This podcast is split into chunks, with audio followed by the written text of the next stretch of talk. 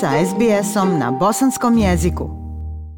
Porodične migracije čine gotovo polovinu godišnjeg zbira stalne migracije Australije ove godine. Obzirom na to da različite vize omogućavaju australskim građanima i stanovnicima sa stalnom boravišnom vizom da se ponovo sastanu sa svojim najmilijima na australskom tlu. Evo što treba da znate o uslovima i načinima prijavljivanja za porodične vize. Nivo planiranja migracijskog programa za 2021-2022 godinu postavljen je na 160.000 viza, bez obzira na pandemiju, pri čemu je približno polovina rezervisana za porodične vize. Od 77.300 viza dostupnih u okviru porodičnih viza, 72.300 dodjeljuje se za partnerske vize, 4.500 za roditelje i 500 viza za ostale rođake koji imaju pravo da apliciraju.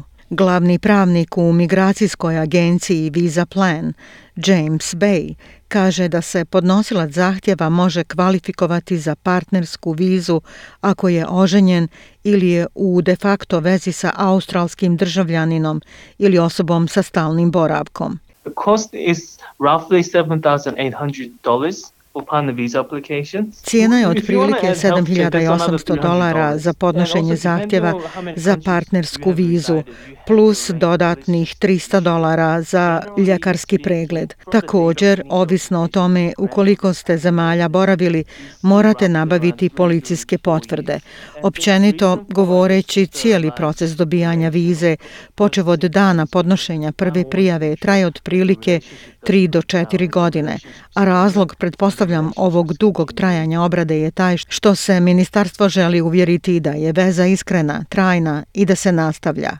Gospodin Bey kaže da Ministarstvo unutarnjih poslova provodi detaljnu provjeru prilikom ocjenjivanja zahtjeva za partnersku vizu kako bi se uvjerili da je veza autentična. Ministarstvo zauzima tvrdu liniju u procjeni prijava. Možda djeluje pomalo invazivno, ali kandidati moraju osigurati da odjel bude zadovoljan da su kriteriji podobnosti dovoljno adresirani. Ovo zahtjeva više od fotografija i zajedničkih bankovnih računa.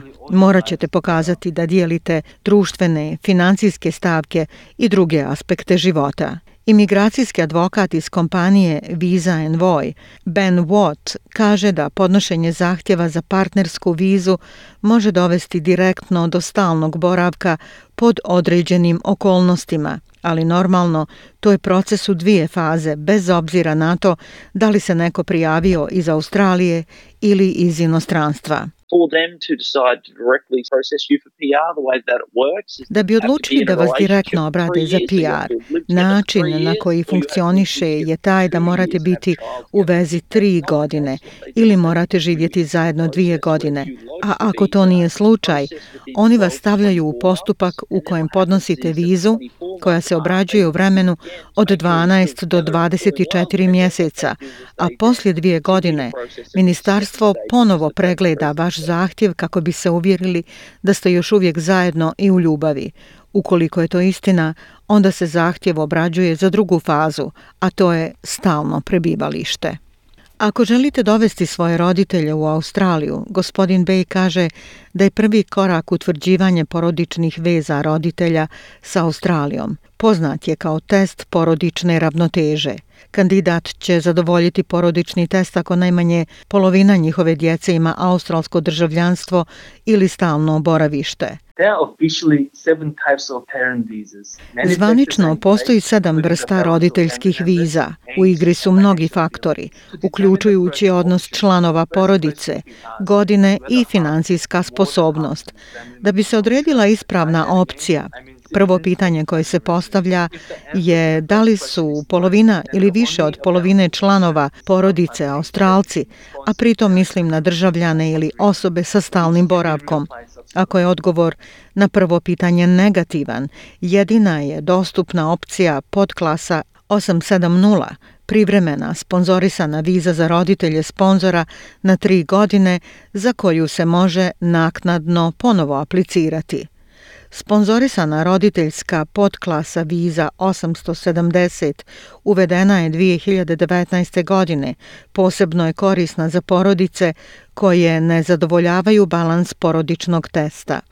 Ova viza može se odobriti na 3 ili 5 godina, a pristojbe za prijavu plaćaju se u dvije rate, objašnjava gospodin Watt. For the subclass 870, the base application charge is $1,000. Za podklasu 870 osnovna pristojba za prijavu je 1000 dolara, a za dobijanje trogodišnje vize potrebno je još 4000 dolara, što se plaća na samom kraju obrade procesa. Dakle, za 5000 dolara možete imati svog roditelja ovdje tri godine. Osnovna pristojba za prijavu za petogodišnju vizu iznosi opet 1000 dolara, a druga rata koja se plaća prije izdavanja vize je 9000 dolara. Ako vaši roditelji polože balans porodičnog testa, oni imaju šest mogućnosti dobijanja vize, ovisno o tome prijavljuju li se u Australiji ili izvan nje, prema starosti roditelja i financijskim mogućnostima – Dvije vize za roditelje sa stalnim doprinosom koštaju oko 48.000 dolara po roditelju. Međutim, troškovi se mogu rangirati tako što će to biti proces u dva koraka, u kojem se podnosiocu zahtjeva prvo daje privremena roditeljska viza sa privremenim doprinosom, a u roku od dvije godine podnose zahtjev za trajnu vizu. Jeftinija opcija pod klase 103 viza za roditelje i pod klase 804 za starije roditelje koštaju 6415 dolara, ali vjerovatno za konačnu obradu će trebati približno 30 godina.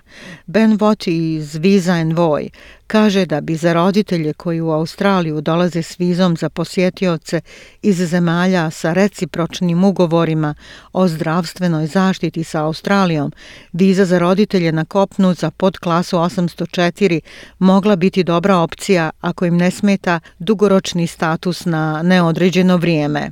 Now, if you lodge a parent visa in Australia, Sada ako podnesete zahtjev za roditeljsku vizu u Australiji, ono što će se dogoditi je da ćete dobiti premostiteljsku vizu koja će vam omogućiti da ostanete tokom obrade, što zvuči odlično. Naravno, problem s tim je što će roditelj imati pristup Medikeru samo ako smo recimo iz zemlje koja ima recipročni ugovor o zdravstvenoj zaštiti sa Australijom a to je, na primjer, Velika Britanija ili Italija. Postoje određene zemlje koje imaju ovaj sporazum, ali velika većina zemalja nema nikakav sporazum sa Australijom na primjer Indija ili Kina, koje su broj 1 i 2 izvora migranata u Australiji. Australija ima recipročni ugovor o zdravstvenoj zaštiti koji pokriva medicinske troškove kada Australci posjete 11 zemalja, a posjetioci iz tih zemalja ostanu u Australiji. Te zemlje su Belgija, Finska, Italija, Malta, Holandija, Novi Zeland, Norveška, Republika Irska, Slovenija, Švedska i Velika Britanija. Što se tiče migracije djece, u većini slučajeva uzdržavana djeca mogu biti uključena u zahtjev za vizu svojih roditelja, ali ako je podnosilac zahtjeva za partnersku vizu u Australiji prilikom podnošenja zahtjeva za vizu, a njihovo dijete u inostranstvu, dijete se može privremeno preseliti u Australiju na osnovu podklase 445 vize za zavisno dijete nakon što je roditelju odobrena privremena partnerska viza. Gospodin Vat kaže da podnosioci zahtjeva imaju tri stalne mogućnosti ovisno o odnosu djeteta i sponzora. Dječja viza, relativna viza za siročad i viza za usvajanje.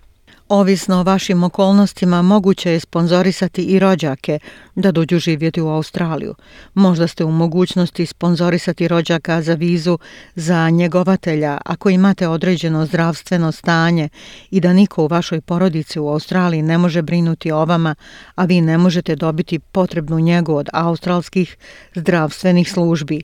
U tom slučaju možete sponzorisati rođaka starijeg od 18 godina da ostane u Australiji s vizom za njegovatelje pod klasa 116 ili 836. Vrijeme obrade zahtjeva za izdavanje vize za njegovatelje je približno 4,5 godine.